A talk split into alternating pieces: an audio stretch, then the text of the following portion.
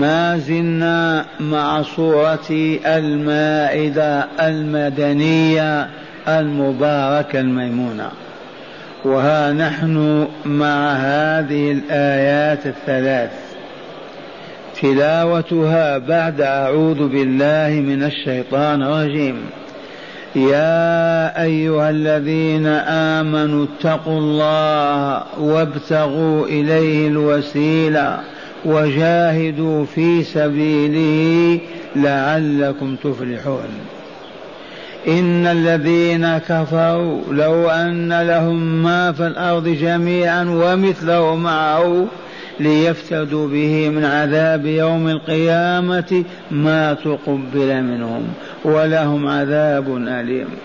يريدون أن يخرجوا من النار وما هم بخارجين منها ولهم عذاب مقيم. يا أيها الذين آمنوا اتقوا الله وابتغوا إليه الوسيلة وجاهدوا في سبيله لعلكم تفلحون.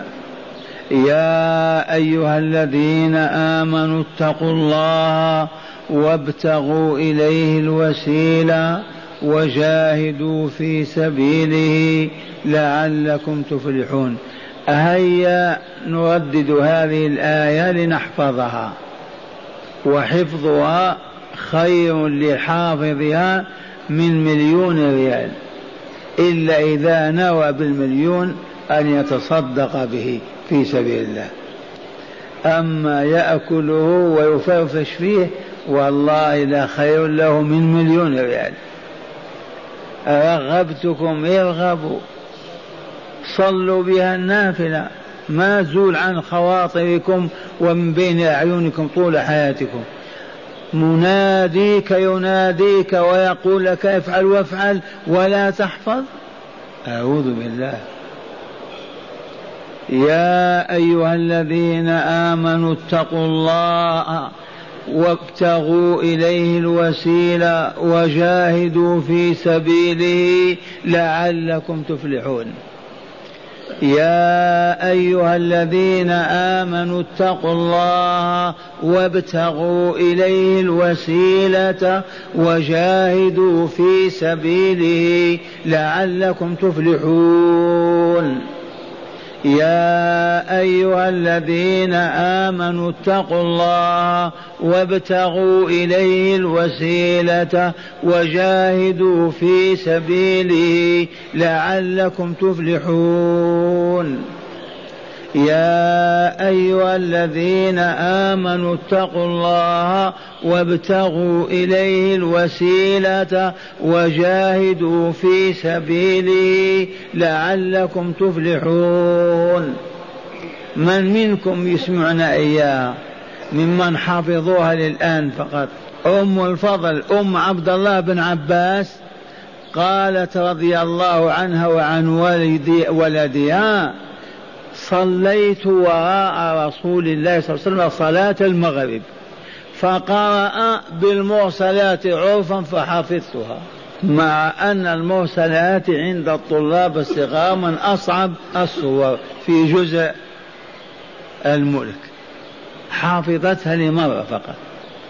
وكيف ما نحفظ هذا النداء وهو موجه إلينا ومأمورون فيه بثلاثة أوامر وإلا فلا فلاح ولا نجاح ولا فوز أبدا. يا أيها الذين آمنوا اتقوا الله وابتغوا إليه الوسيلة وجاهدوا في سبيله لعلكم تفلحون. كم أمر في هذا؟ ثلاث أول. الأول الأمر بتقوى الله. الثاني الأمر بطلب الوسيلة إلى الله. ثالثا بالجهاد في سبيل الله. والفائد والنتيجة أو الجائزة الفلاح. يا أيها الذين آمنوا اتقوا الله وابتغوا إليه الوسيلة. وجاهدوا في سبيله لعلكم تفلحون. هيا نتدارس هذه الآية الكريمة. أولا من المنادي في قوله يا أيها الذين آمنوا؟ الله جل جلاله. الله خالقنا ورازقنا. إلهنا الحق. الذي لا إله لنا سواه. هو الذي نادانا. كيف وصلنا نداؤه؟ ما هي الطريق الذي وصل به إلينا هذا النداء؟ أجيب رسوله صلى الله عليه وسلم. من رسوله هذا؟ هذا محمد بن عبد الله بن عبد المطلب. ابن هاشم القرشي العدناني من ولد إسماعيل ابن إبراهيم عليه السلام. هل كان موجودا هذا النبي؟ نعم. أين كان يوجد في الحجاز؟ أين يوجد الحجاز هذا؟ في جبال الجزيرة غرب الجزيرة. في أي مدينة كان يعيش؟ المدينة النبوية. أين هي؟ هذه هي. أين هو؟ هناك والله جسده الطاهر. يقينيات هذه ولا لا؟ ما عندنا أوهام ولا ضلالات ولا خرافات يقينيات. بلغنا نداء الله من طريق رسول الله والرسول بلغه من طريق ما أوحاه الله إليه وأنزله عليه من كتابه العظيم القرآن الكريم. هل يوجد هذا الكتاب اليوم؟ إي والله موجود. موجود. ما اسمه؟ القرآن الكريم. محفوظ في الصدور ومكتوب في السطور. ولا يرفعه الله إلا في آخر أيام هذه الحياة. هذا الكتاب الكريم فيه مئة وأربع عشر سورة وفيه سورة تسمى سورة المائدة. هذه التي نتدارسها المائدة. في المائدة جاء هذا النداء. يا أيها الذين آمنوا اتقوا الله وابتغوا إليه الوسيلة وجاهدوا في سبيله لعلكم تفلحون. أستعجل حتى تطمعوا ما الفلاح؟ الفلاح في تجارة في زراعة في ماذا؟ في صناعة. هذا الفلاح لا يلتفت إليه وإن كان يتحقق بالاستقامة بطاعة الله وتقواه والتقرب إليه. لكن الفلاح الحق الذي ما ننساه هو أنك تزحزح هكذا عن النار وتدخل الجنة. هل عرفتم الفلاح؟ قد أفلح. من زكاها وقد خاب من دساها هذا خبر من؟ هذا الإعلان من أعلنه الله جل جلاله. قد أفلح عبد أو أما زكى نفسه. طيبها وطهرها فأصبحت كأرواح الملائكة. تنزل إذا منازل الملائكة. قد خاب وخسر من من دس نفسه. أفرغ عليها زنابيل أطنان الذنوب والآثام. فأصبحت عافنة منتنة مظلمة. لا حق لها في الملكوت الأعلى والنزول في عالم الطهر والصفاء. الفلاح الزحزحة عن النار ودخول الجنة. بين تعالى ذلك في قوله كل نفس ذائقة الموت. هذا حكم الله ولا لا؟ هل نقضته روسيا بصناعتها وسحرها وباطلها؟ هل نقضته اليابان الصناعة هل نقضته أمريكا؟ هل نقضه اليهود؟ في من استطاع أن ينقض هذا الحكم ويقول لن يموت رئيسنا. أين ليلين وستالين أو ما فهمتم هذا الحكم؟ كل نفس ذائقة الموت. لو تجتمع البشرية كلها على أن لا تموت نفس والله ما قدروا على ذلك ولا استطاعوه. كيف نجهل هذا الحكم؟ هذا حكم الله. كل نفس ذائقة الموت وإنما توفون أجوركم يوم القيامة. أيتها الشغيلة أيها العمل أيها الكادحون أيها الصائمون والقائمون أيها المجاهدون أيها الصابرون لا تطالبوا بالأجر اليوم. الدار دار عمل. أجركم يوم القيامة. أما اليوم صم وصل وجاهد ورابط ولا تطالب بالأجر لأن الدار دار عمل أو دار جزاء. دار عمل. حتى تنتهي أعمالك وتتلقى جزاءك على عملك. أي مجنون أكثر من يشتغل نصف النهار يقول أعطوني أنا أجرة شهري أو يومي. يعطى يسخر منه هذا. حتى يتم الشهر وتتقاضى أجرتك. إذا كل نفس ذائقة الموت وإنما توفون أجوركم يوم القيامة. يوم تقومون من قبوركم ولا يتخلف منكم أحد أبدا. وبين الأجر ما هو؟ الذهب والفضة الأوسمة العالية. ماذا؟ قال في بيانه فمن زحزح عن النار وأدخل الجنة فقد فاز. ويوم القيامة كما تعرفون ما هناك إلا عالمان عالم, عالم السعادة وعالم الشقاء. عالم السعادة يسمى الجنة وعالم الشقاء يسمى النار.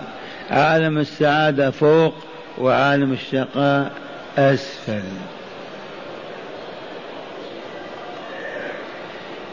إذا يا أيها الذين آمنوا لبيك اللهم لبيك والخير بيديك.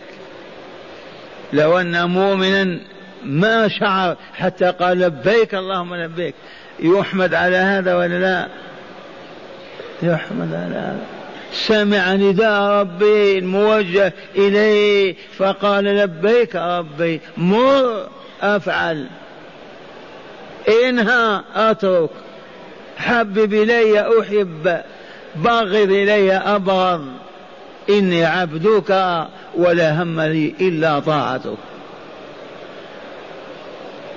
وقد علم أهل هذه الحلقة المباركة وزادهم الله علما أن الله تعالى حاشاه أن ينادينا للهو واللعب أو للباطل.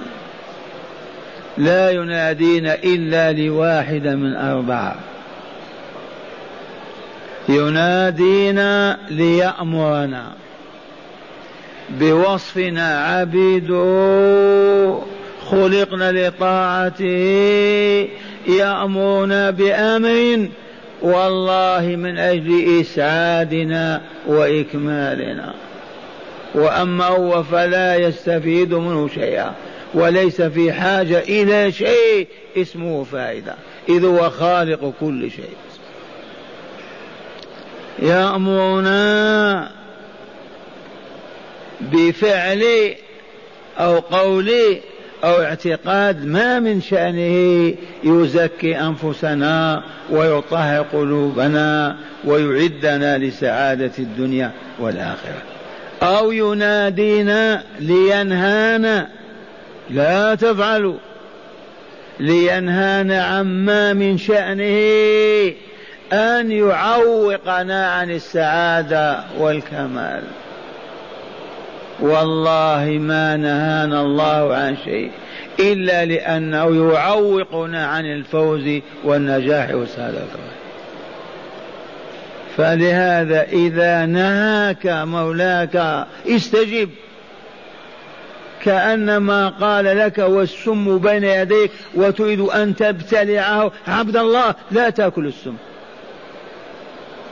فكل ما نهى الله عنه من اعتقاد فاسد أو قول سيء أو عمل غير صالح والله لضار أكثر من ضرر السم. لأنه سيدنا ومولانا. ما ينهانا إلا على ما فيه ضررنا وهلاكنا وشقاؤنا. ثالثا ينادينا ليرغبنا ليبشرنا لأننا أولياؤه لنزداد في الصالحات والتنافس فيها وهو في صالحنا. أو ينهان أو ينادينا ليخوفنا ليحذرنا مما من شأن أن يضر بنا ويفسد علينا قلوبنا وحياتنا. وبقي مرة أخرى ينادينا ليعلمنا ما نحن في حاجة إلى العلم به والمعرفة لما فيه كمالنا وسعادتنا. أما ينادينا للهو لا لشيء تنزه الله عن اللهو واللعب. وما خلقنا السماوات والأرض وما بينهما لاعبين. ما خلقناهما إلا بالحق ولكن أكثرهم لا يعلمون. معشر المستمعين هل يليق بعبد يرغب في أن يخترق السبع السماوات وينزل في دار السلام؟ أن يسمع هذا الكلام ولا يبالي به ولا يحفظه ولا يهتم له يعني ماذا تقولون؟ أنا أقول لولا الغفلة لقلت الذي يسمع هذا الكلام ولا يريد أن يفهمه ولا أن يعمل به والله ما له رغبة صادقة في النزول بالملكوت الأعلى أو ما عرف الملكوت الأعلى ولا آمن به. إذا كم نادانا ربنا في كتابه القرآن الكريم؟ يا أهل العلم تسعون نداء إلا نداء. يا أيها الذين آمنوا إما يأمرنا أو ينهانا أو يبشرنا أو ينذرنا أو يعلمنا.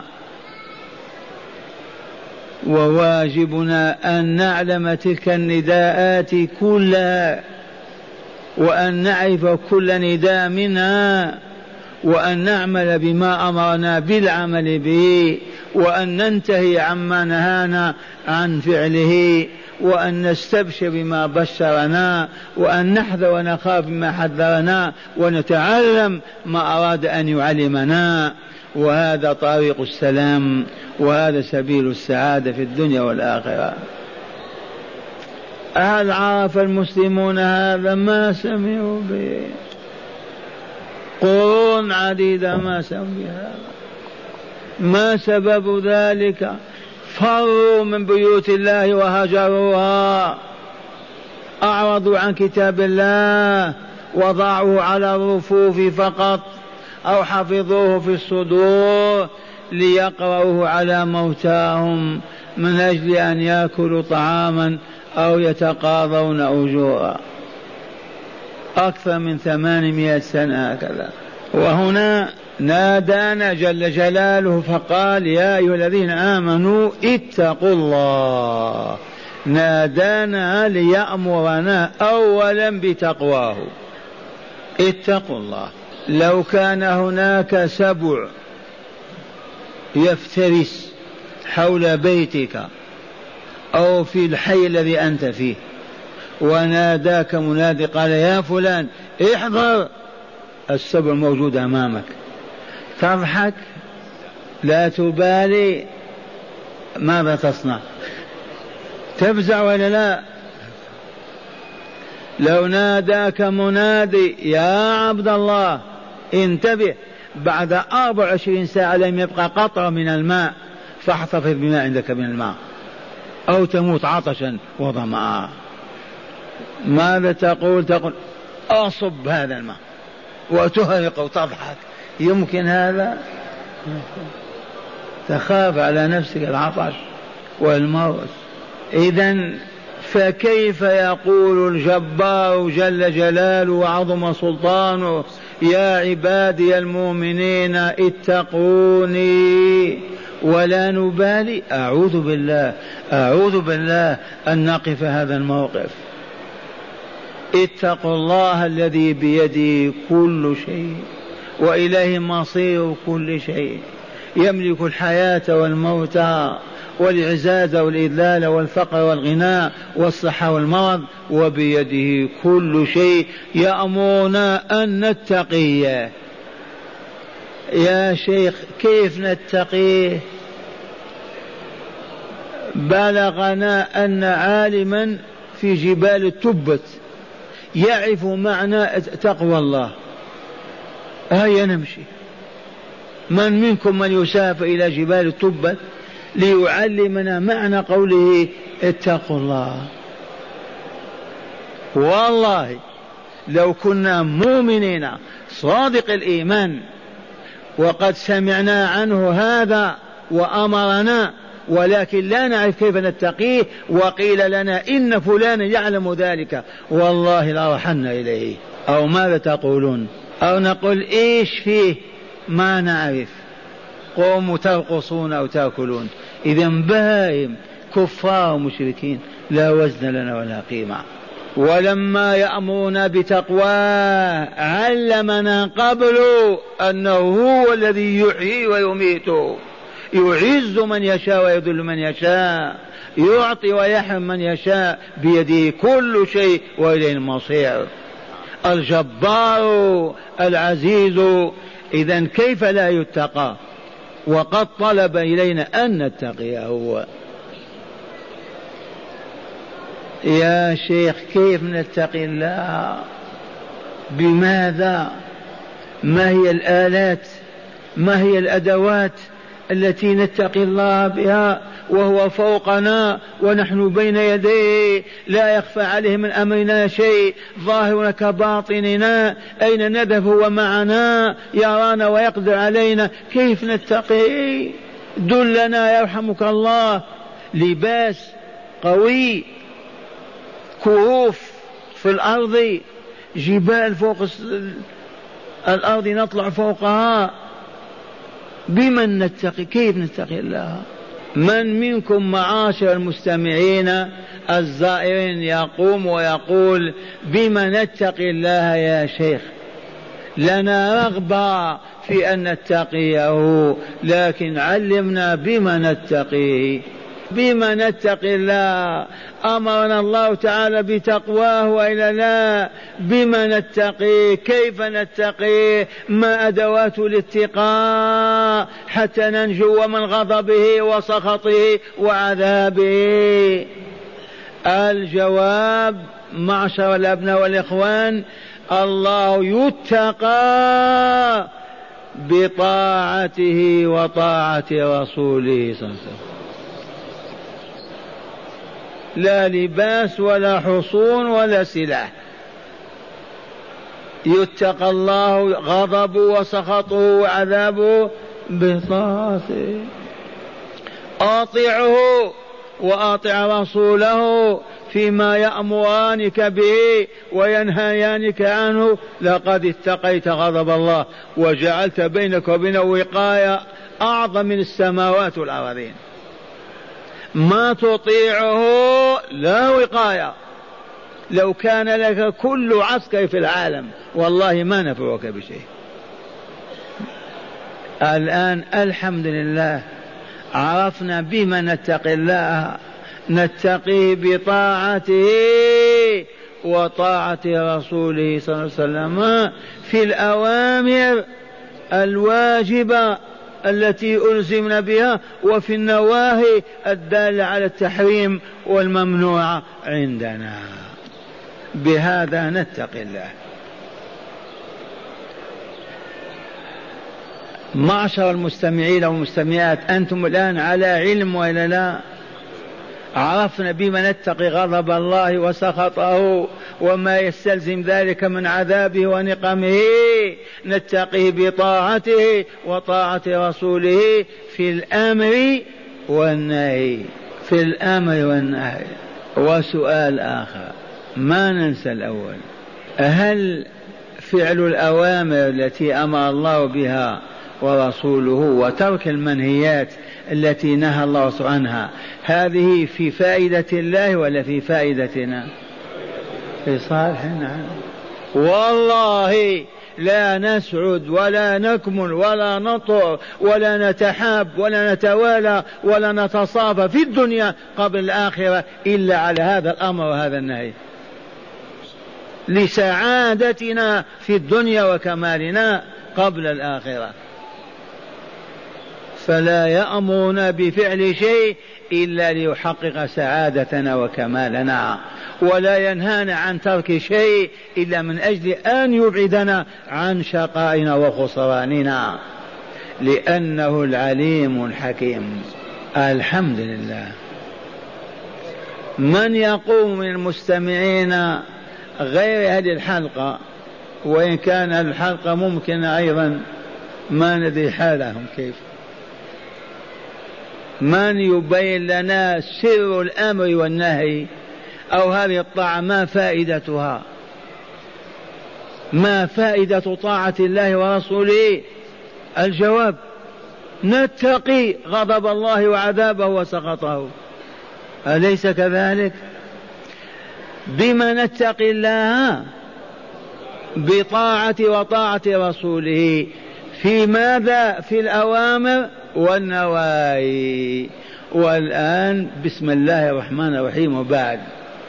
يجب على كل مؤمن ومؤمنة من عقلاء المؤمنين والمؤمنات أن يتعلموا أوامر الله ونواهيه وأوامر رسول الله ونواهيه. ولا محالة. إما وإما. على كل من دخل في رحمة الله في الإسلام أن يعلم أوامر الله كيف هي وما هي ونواهيه أيضا ما هي وكيف هي. وأوامر الرسول ونواهيه تابعة لأوامر الله ورسوله. هل هذا الأمر واضح؟ حق ولا لا؟ هل يجوز لمؤمن أو مؤمنة؟ أن يعيش بعد البلوغ السنة والسنتين والعشر سنين والأربعين وهو لا يعرف ما أمر الله به ولا ما نهى الله عنه. يمكن؟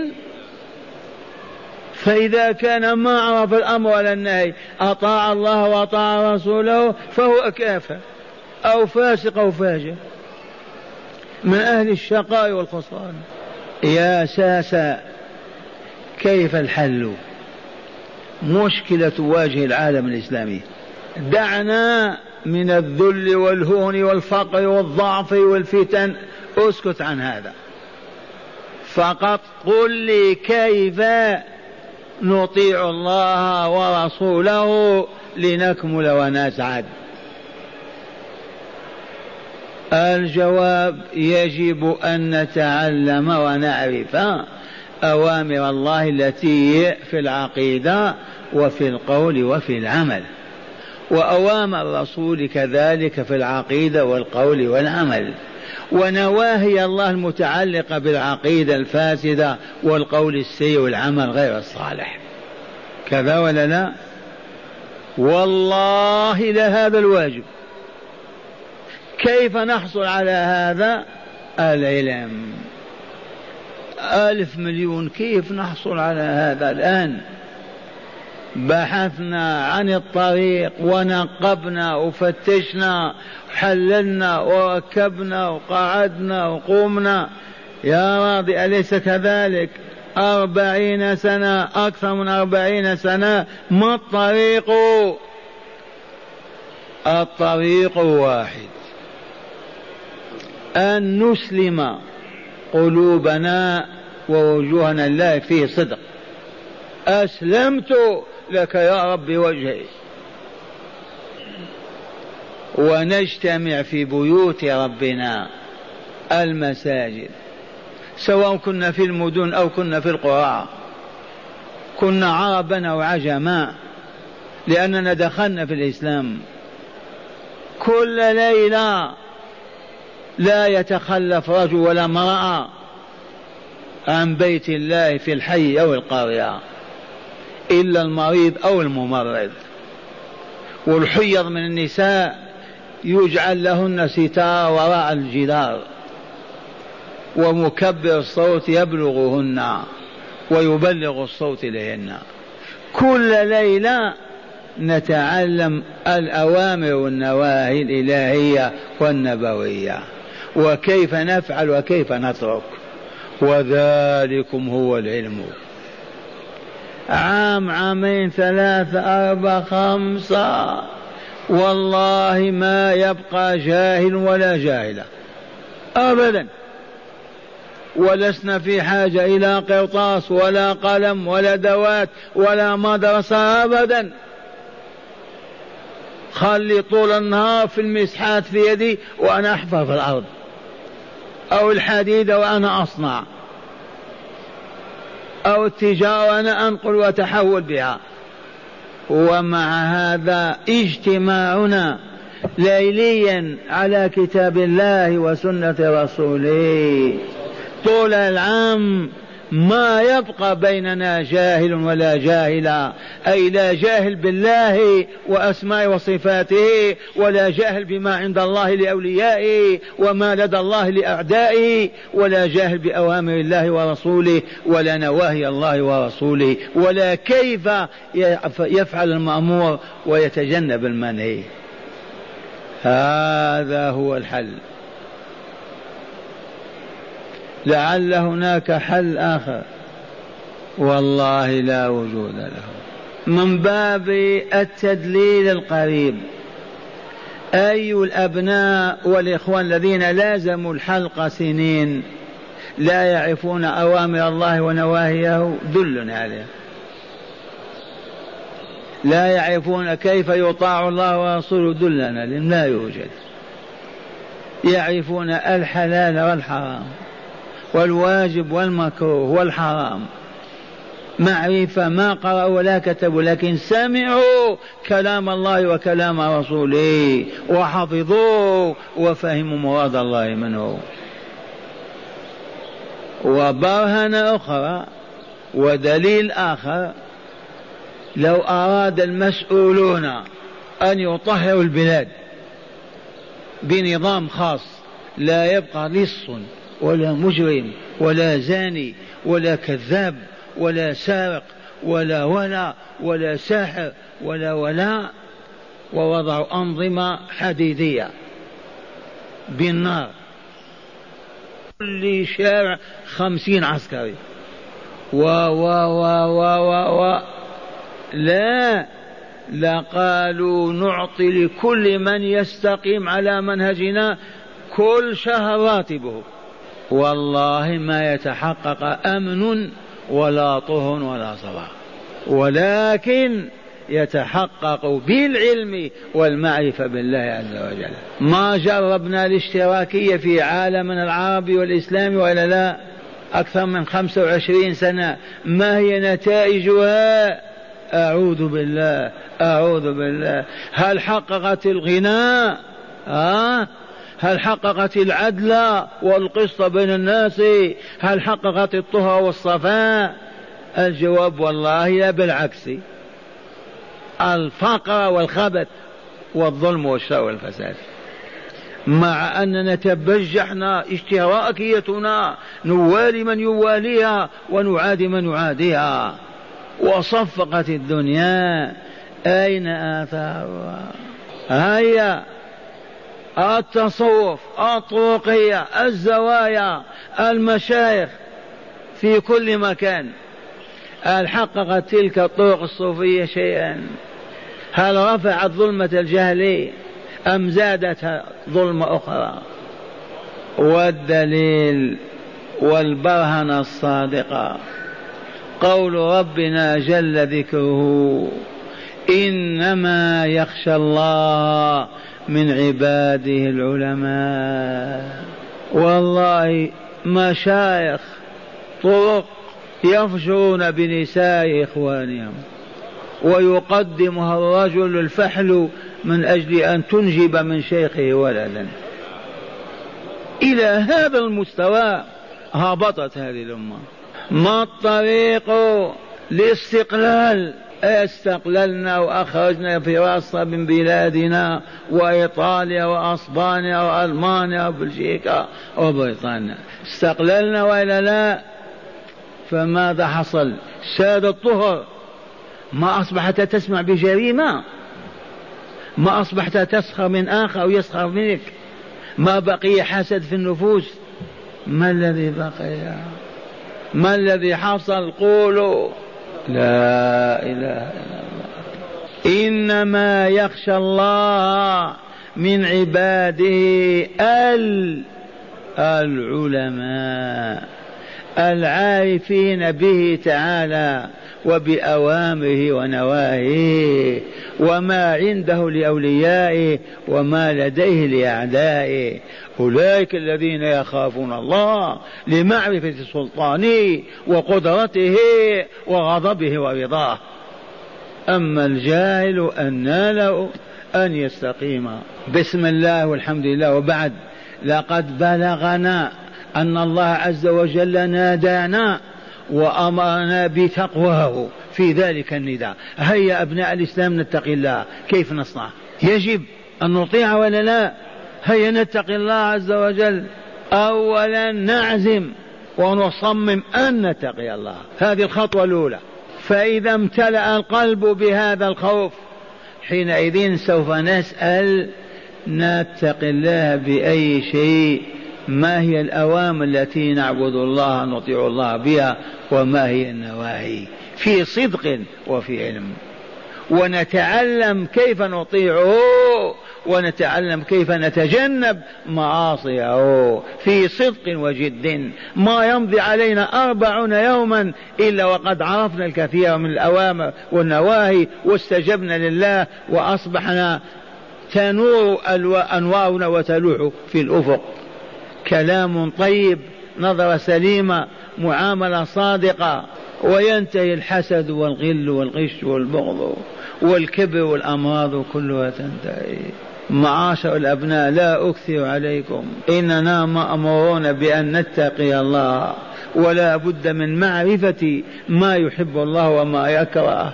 فلنسأل أهل العلم ما نكتفي بالكتاب نسأل نعلم نجالس العلماء ونزاحمهم ونطبق كل ما سمعنا وعلمنا حتى نرتقي يوما فيوما ونصبح في أيام عالمين بالله متقين له وذلك هو الفوز العظيم.